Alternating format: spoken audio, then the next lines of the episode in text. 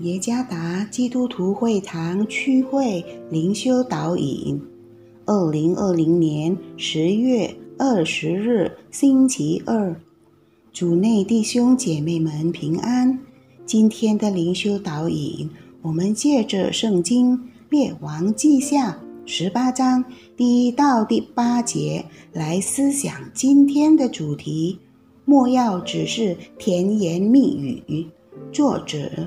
苏心智传道，《列王记下》十八章第一到第八节：以色列王以拉的儿子和西亚第三年，犹大王亚哈斯的儿子西西加登基。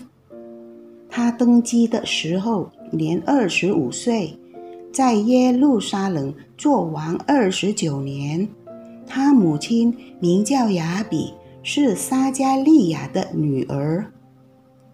西西家行耶和华眼中看为正的事，效法他主大卫一切所行的。他废去秋坛，毁坏柱像，砍下木偶，打碎摩西所造的铜蛇，因为到那时以色列人仍向铜蛇烧香。西西家叫铜蛇为铜块，或作人称铜蛇为铜像。西西家倚靠耶和华以色列的神，在他前后的犹大列王中没有一个及他的，因为他专靠耶和华，总不离开，谨守耶和华所吩咐摩西的诫命。耶和华与他同在，他无论往何处去，尽都亨通。他背叛不肯侍奉亚述王，西西家攻击非利士人，直到加萨，并加萨的四境，从瞭望楼到坚固城。一九八零年代左右闻名的印尼流行歌手金达米阿玛纳嘎拉，在他的歌曲中，只在嘴唇上的甜蜜，hanya manis di bibir，普及了以下歌词：你的蜜语和表白只甜在嘴唇上，只是一个不存在而从未实现的诺言。嘿，你没醒悟吗？你不为自己感到羞耻吗？这首歌提醒听众们所说的话应该是有实际的行动，不要只是甜言蜜语。圣经列王记上和下中记录了四十位在大卫王朝之后治理以色列国北部王国和犹大国。南部王国的国王，上帝赐福于那些相信上帝并以公义治理的国王。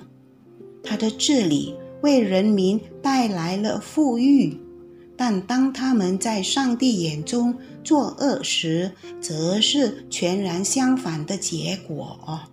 在以色列国登基的二十位国王中，没有一位是好的国王，在犹大国登基的二十位国王中，只有八位是好的国王，其中一位是西西家国王。第一点，西西家使上帝的子民远离敬拜偶像。第四节，第二点，西西家专靠耶和华上帝。第六节，在圣经信息版本的翻译描述如下：西西家紧紧抓住耶和华上帝，一刻也不松手。这是一个信心多么坚固的态度。第三点，西西家总不偏离并忠于耶和华上帝，不曾违背他。第六节，这就是圣经上说不再有能像西西家这样的国王。第五节，耶和华上帝与他同在，无论他往何处去，尽都亨通。第七节，他对上帝的信心体现在实际行动上。声称相信上帝是一件容易的事，但我们是真的相信上帝吗？有什么可证明的呢？我们是否愿意放下生活中所有可能使我们的心与上帝隔绝的事物呢？是否我们在所有的事上都依靠上帝而紧紧抓住他的手不放呢？即使在困难的情况下，而我们的祷告祈求还未实现，我们仍然忠心于上帝吗？让我们的信心态度能体现出来，而不只是嘴上的甜言蜜语。